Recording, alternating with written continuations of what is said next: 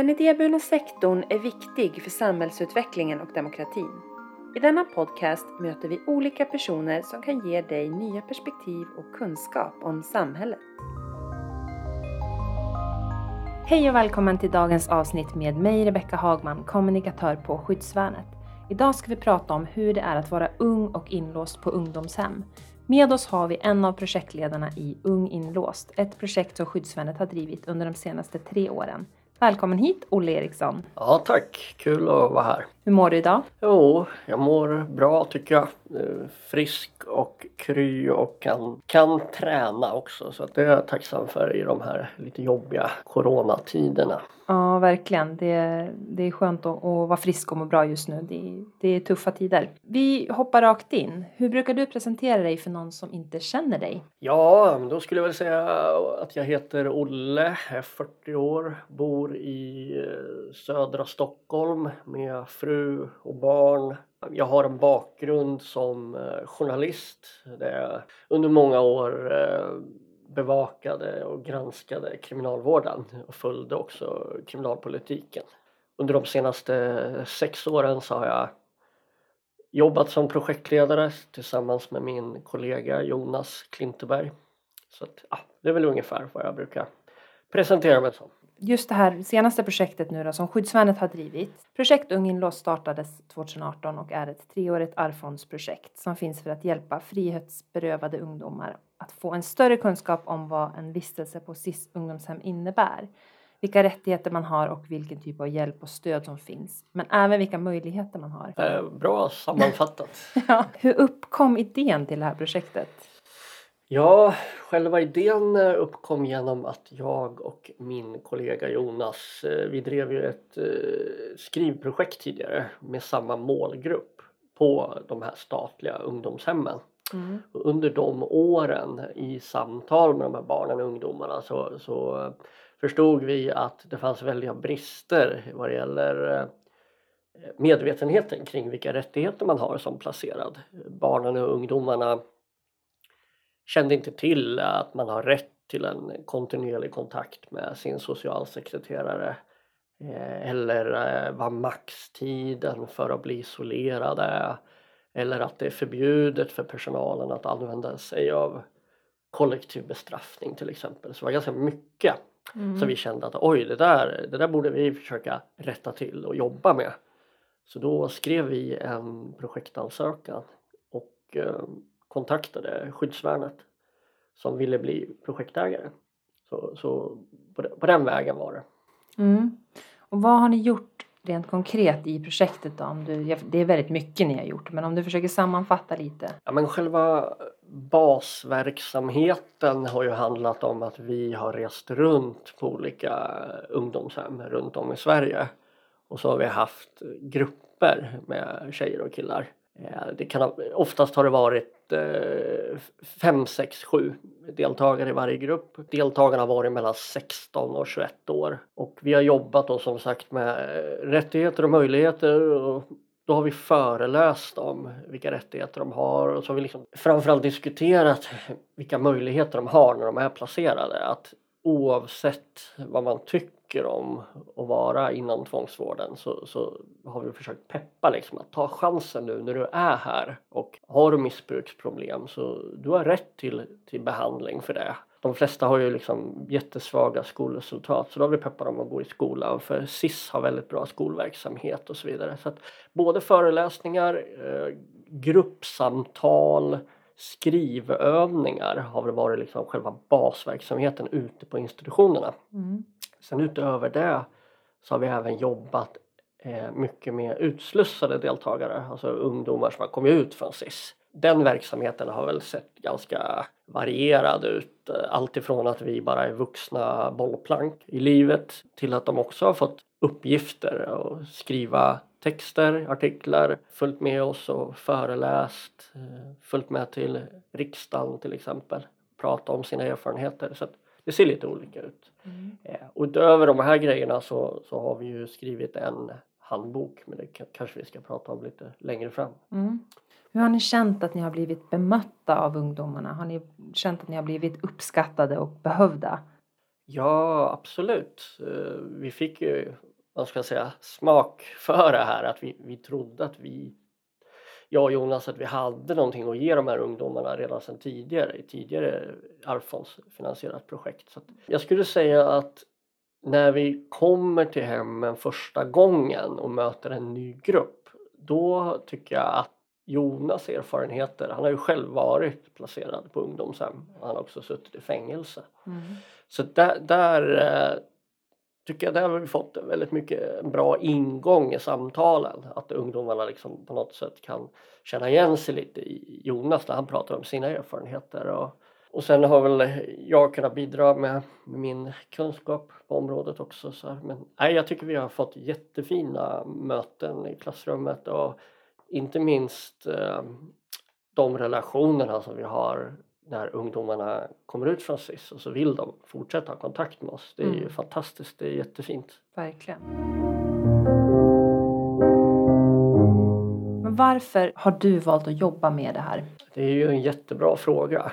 Um, om man ska försöka vara lite kortfattad då, så tror jag väl att dels så är ju den här gruppen barn och unga på SIS, det anses ju vara liksom de mest vårdkrävande. Och det är ju en, det är en utmaning. Men framförallt så tänker jag väl att jag kan bidra med någonting när jag träffar de här ungdomarna. Eh, jag är väldigt nyfiken på dem och det är så mycket i, i liksom deras liv som har varit tufft. De har ju fått en liksom bedrövlig start på livet de allra flesta av de här ungdomarna så att eh, jag vill ju på något sätt bidra och peppa dem och försöka visa någon slags väg ut ur destruktiviteten och kan man vara kan man vara eh, någon person på vägen där så är det jättestort.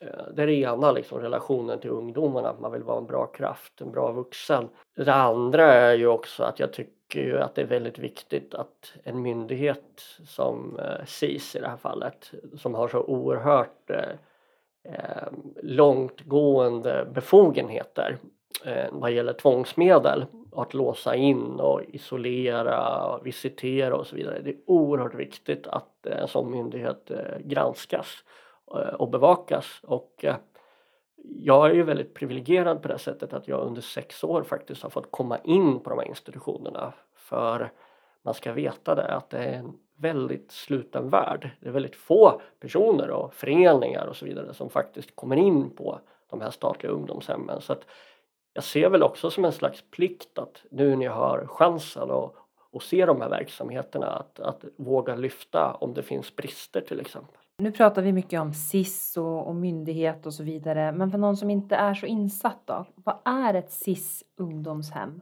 SIS, eh, Statens institutionsstyrelse, är ju en, en myndighet som har ansvaret för tvångsvården av, av den här gruppen barn och unga, vad det är ungefär det är ungefär runt 1200 barn och ungdomar som placeras varje år. Det finns eh, 23 stycken eller om det är 22 nu för, för ibland så, så eh, lägger de ju ner eh, institutioner där det, där det har pågått missförhållanden så jag har inte riktigt koll på exakt hur många institutioner men jag tror det är 22 i dagsläget. Då.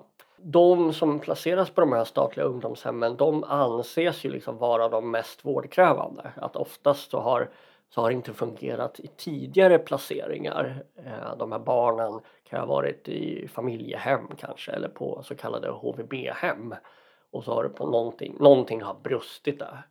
Eh, så, så då är liksom sista steget på något sätt det är att man hamnar på de här eh, väldigt slutna låsta institutionerna där mm. 90% av alla avdelningar är, är låsta. lite kort ska jag väl också säga någonting om liksom varför eller hur man, man eh, får den här tvångsvården. Det är ju inte vem som helst, det är inte så att man plockas in från gatan då. Utan de allra flesta får ju ett så kallat LVU, lagen om eh, särskilda bestämmelser av vård av unga. Och det är ju på grund av att socialtjänsten är orolig för att barnet får illa. Och oftast så handlar det om en oro för att barnen får illa i hemmet till exempel att den inte får någon omvårdnad, den kanske inte går i skolan. Eh, man är orolig för missbruk eller att ungdomen eh, umgås i, i kriminella miljöer.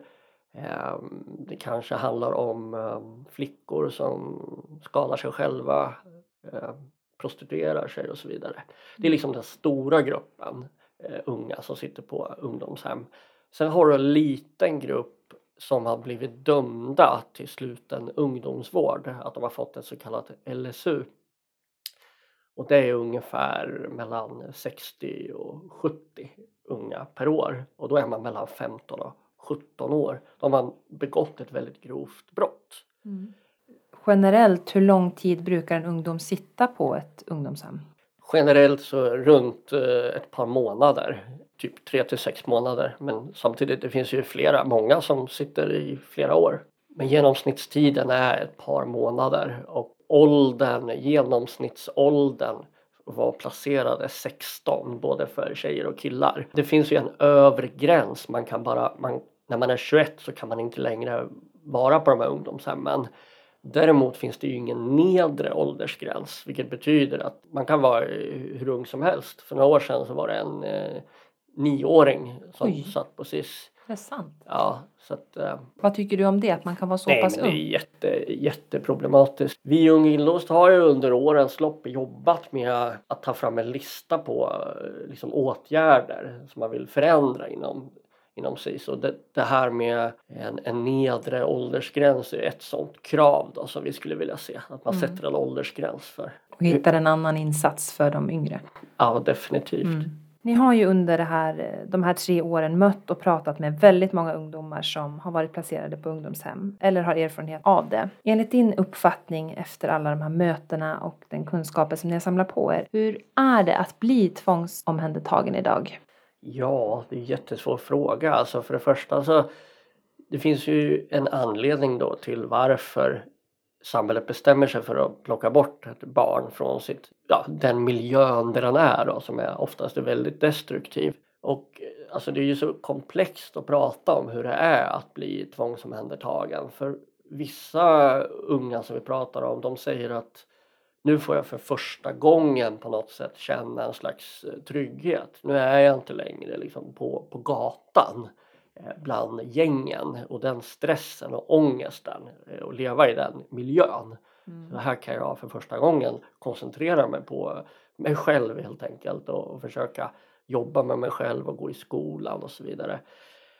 Det finns ungdomar som pratar om att ja, men hade jag inte varit här på SIS hade jag antagligen varit död idag i missbruk till exempel. Så den sidan finns ju. Den andra sidan som vi också hör väldigt ofta är väl att eh, man upplever inte att SIS lever upp till sitt uppdrag. Alltså uppdraget är ju att ge vård och, och, och ge eh, ungdomarna omvårdnad och behandling. Men att väldigt många upplever det som att de bara är placerade där och eh, ja, att, det inte, att det inte finns någon vidare behandlingsverksamhet helt enkelt. Så att, um, det, det är tufft. Vi tog upp det lite tidigare. Eh, genom projektet har ni ju tagit fram en handbok som riktar sig till den som är placerad på ett ungdomshem. Kan du berätta lite mer om just arbetet med boken?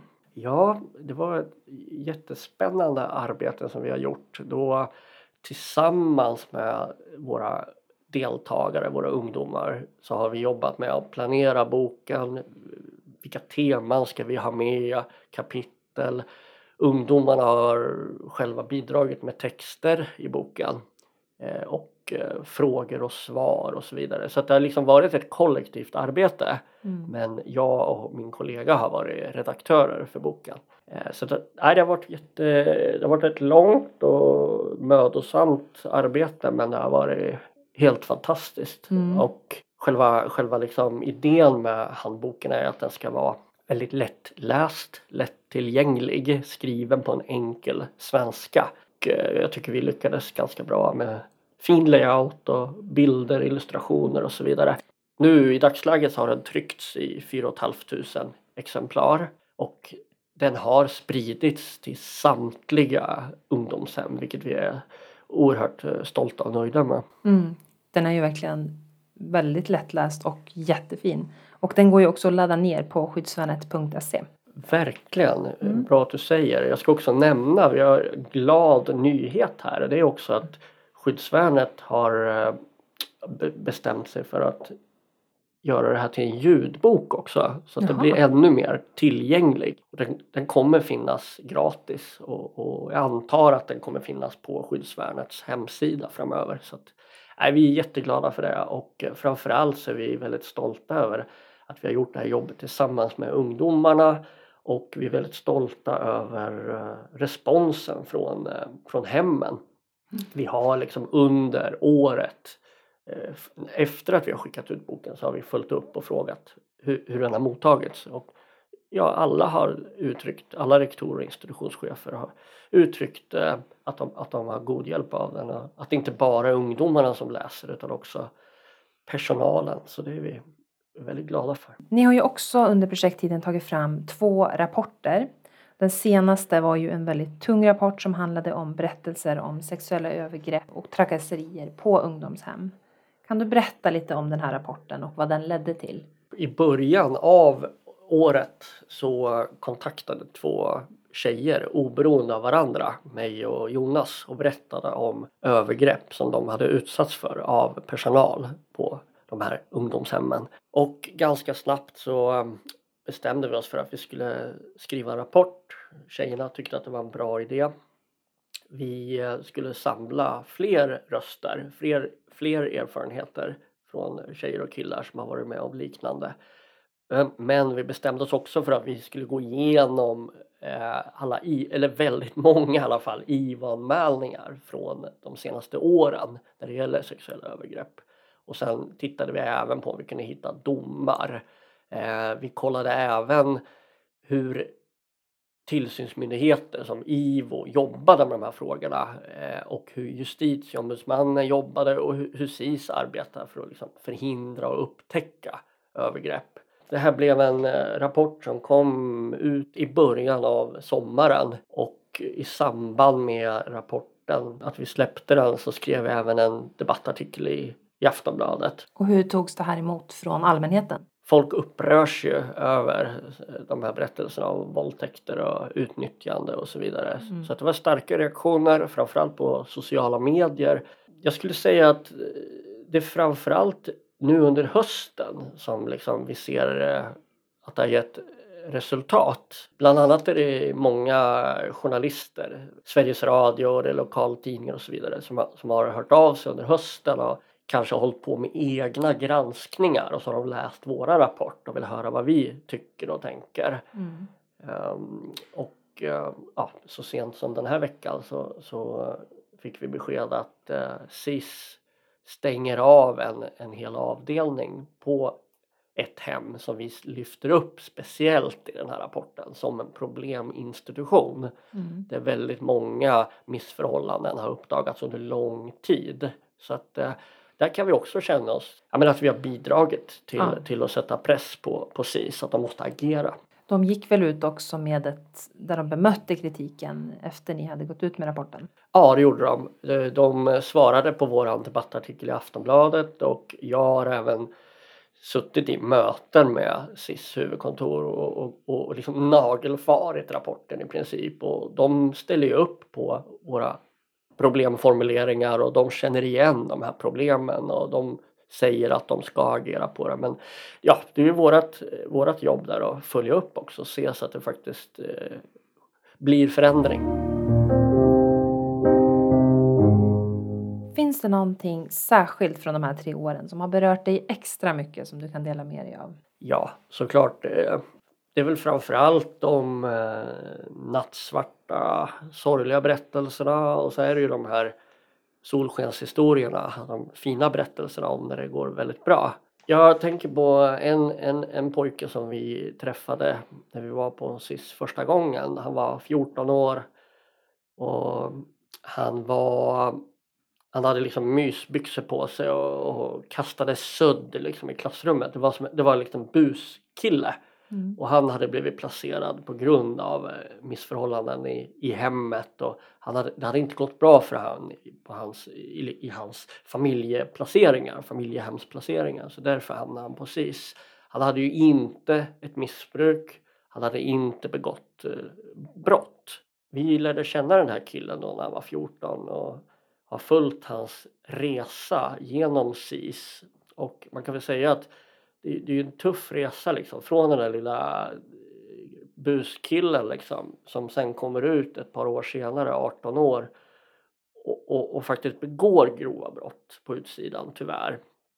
Men eh, idag så är han eh, drogfri, han har flickvän och han håller på och eh, utbildar sig. Så att, lite kort bara, man, det är fantastiskt att få följa eh, Eh, en, en ung persons eh, liksom, resa med allt vad det innebär då att vara på SIS i den här slutna miljön. Men, men för honom så, så har det gått bra.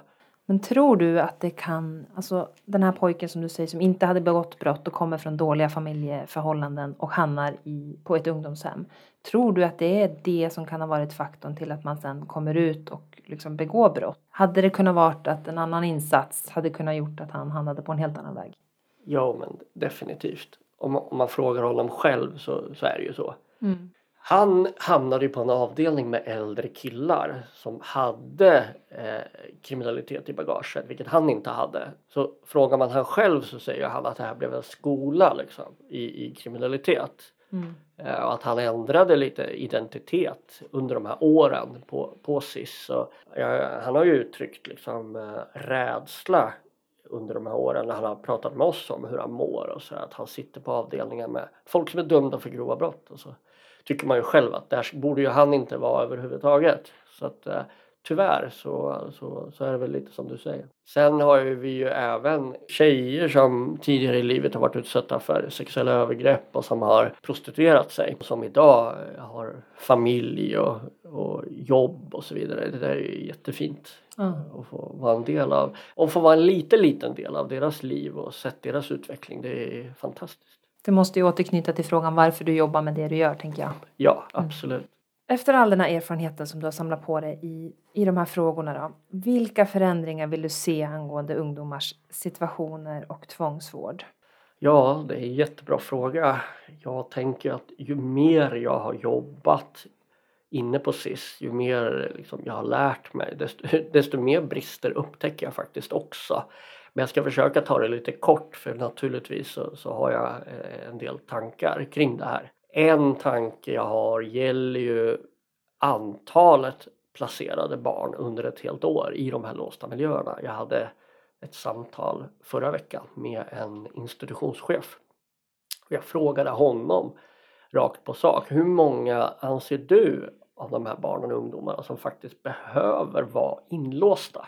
Och han svarade, ja men det är väl ungefär 50 till 70 som man kan anse vara eh, liksom ett, ett, en fara för Procent. samhället. Nej, utan eh, 50 till 70 individer. Ja. Jag menar, då har vi 1100 kvar. Eh, och vi har gruppen tjejer och det naturligtvis också en del pojkar som självskadar och så vidare. Och man har väldigt svårt att veta vad man ska göra med dem. Men de är ju inte på, på rätt plats. Det finns inte den liksom, spetskompetensen för att jobba med traumabearbetning och, och att de har tillgång till psykologer och så vidare. Utan det är väldigt många av de här som jag träffar som, som säger att eh, de inte får den hjälp de, de behöver utan de kanske till och med mår ännu sämre av att leva i de här låsta miljöerna.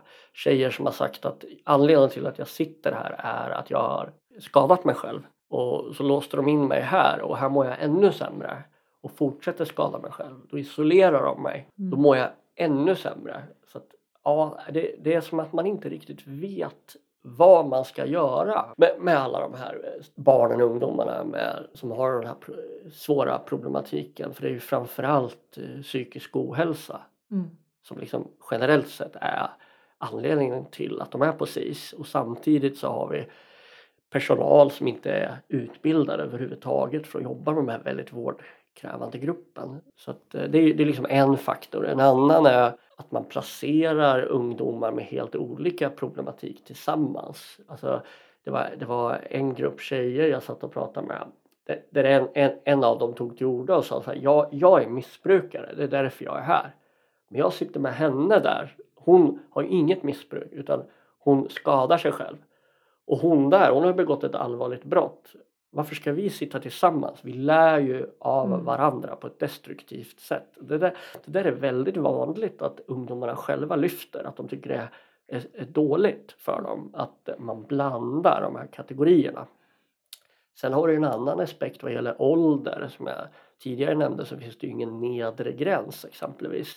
Så att man kan ju liksom i princip sätta en 12-åring tillsammans med en 17-åring. Mm. Och det är klart att det är, det är problematiskt. Jag tänker att överlag själva idén med de här institutionerna att samla de barnen och ungdomarna som mår allra allra sämst och så sätter man dem på en väldigt väldigt begränsad liten yta som är låst och tro att det ska liksom utvecklas en bra kreativ miljö det, det, den, den, är tuff alltså, den mm. är svår. Jag har lite svårt för, för tanken överlag så jag hoppas ju i framtiden på att den här typen av tvångsvård ser, eh, ser annorlunda ut. Om vi tittar på vad du själv har fått för insikter under de här tre åren? Ja, ja, vi skulle kunna ha en podd om vad jag har lärt mig och vad jag har lärt mig av alla de här barnen och ungdomarna. Jag har ju lärt mig så otroligt mycket. Mm. Och det är ju framförallt också alltså ett, en, en, eh, det är ju så jag går in i varje möte Eh, på de här institutionerna. Att jag liksom är väldigt nyfiken på deras livsberättelser. Och jag brukar säga att det är ni som är experter på tvångsvård. Så berätta vad ni tycker funkar och inte funkar. Eh, nej men ja, ska man koka ner någonting så är det ju att det här är den grupp som har eh, fått den allra sämsta starten i livet. Och alla de här pojkarna och flickorna som jag har träffat de vill ha och de behöver bra vuxna som, som, som bryr sig om dem på riktigt och som lyssnar på dem och som faktiskt respekterar dem. Det är väl liksom någon slags grund ändå. Min övertygelse är ju att om vi ska lyckas hjälpa barnen och ungdomarna så måste de ju känna någon slags trygghet när de tvångsplaceras av samhället. För gör de inte det, då blir det väldigt svårt att få dem att öppna sig. Alltså de måste ju förstå att de är inte rättslösa utan de har rättigheter när de är placerade. Och känner de inte en trygghet då kommer det vara jättesvårt att få dem att öppna sig och ta till sig av behandling, jobba med trauman eller, eller gå i skolan överhuvudtaget. Så man måste jobba med att de känner en grundtrygghet. Skyddsvärnet är ju en idéburen organisation Eh, och äger ju det här projektet. Hur viktigt är det enligt dig att det finns organisationer som Skyddsvärnet som tar upp de här projekten? Hade det kunnat lösas på något annat sätt? Nej, men jag är ju jättetacksam att Arvsfonden och Skyddsvärnet då finns till hands, att man får möjligheter att, att, att jobba. Jag menar, I någon mening är det ju lite eh, liksom experimentellt att man ger oss medel för att jobba med rättigheter på statliga institutioner. Eh, det tycker jag är fantastiskt. Sen rent personligen så, så tänker jag liksom att den viktigaste delen av samhällsservicen och välfärden den ska drivas av stat och kommun och landsting. Men att idéburen välfärd, non-profit organisationer, de kan ju verkligen bidra framförallt genom att visa på var det brister. Och jag tänker att skyddsvärnets historia eh, liksom är ganska talande på något sätt för vad, liksom, som ett svar på din fråga. Skyddsvärnet var ju liksom tidigt för över hundra år sedan hade ju en ambition att, att liksom komplettera eh, staten när det gäller liksom samhällsservice då, framförallt när det gällde folk som har suttit i fängelse mm. och eh, Skyddsvärnet utvecklade idéer kring eh, utsluss till exempel som sen staten övertog. Och det är väl, det är väl lite så jag ser det. Jag, jag tycker liksom att det stora ansvaret ska ligga på eh, skattefinansierad välfärd, alltså att det bärs upp av staten och kommuner och landstingen och sen är det jättebra att eh, organisationer som Skyddsvärnet finns och visar på var det brister och försöker lösa det när, det, när problemen uppstår. Men, men jag tycker liksom inte att socialtjänstens uppdrag ska tas över av någon annan utan snarare så ska vi visa på vad socialtjänsten behöver ändra på i sina rutiner till exempel. Från den frågan till en annan fråga som vi ställer till alla som är med i den här podcasten. Kan du dela med dig av någonting som du tror att inte många vet om dig? För många år sedan så, så spelade jag i landslaget i hockey.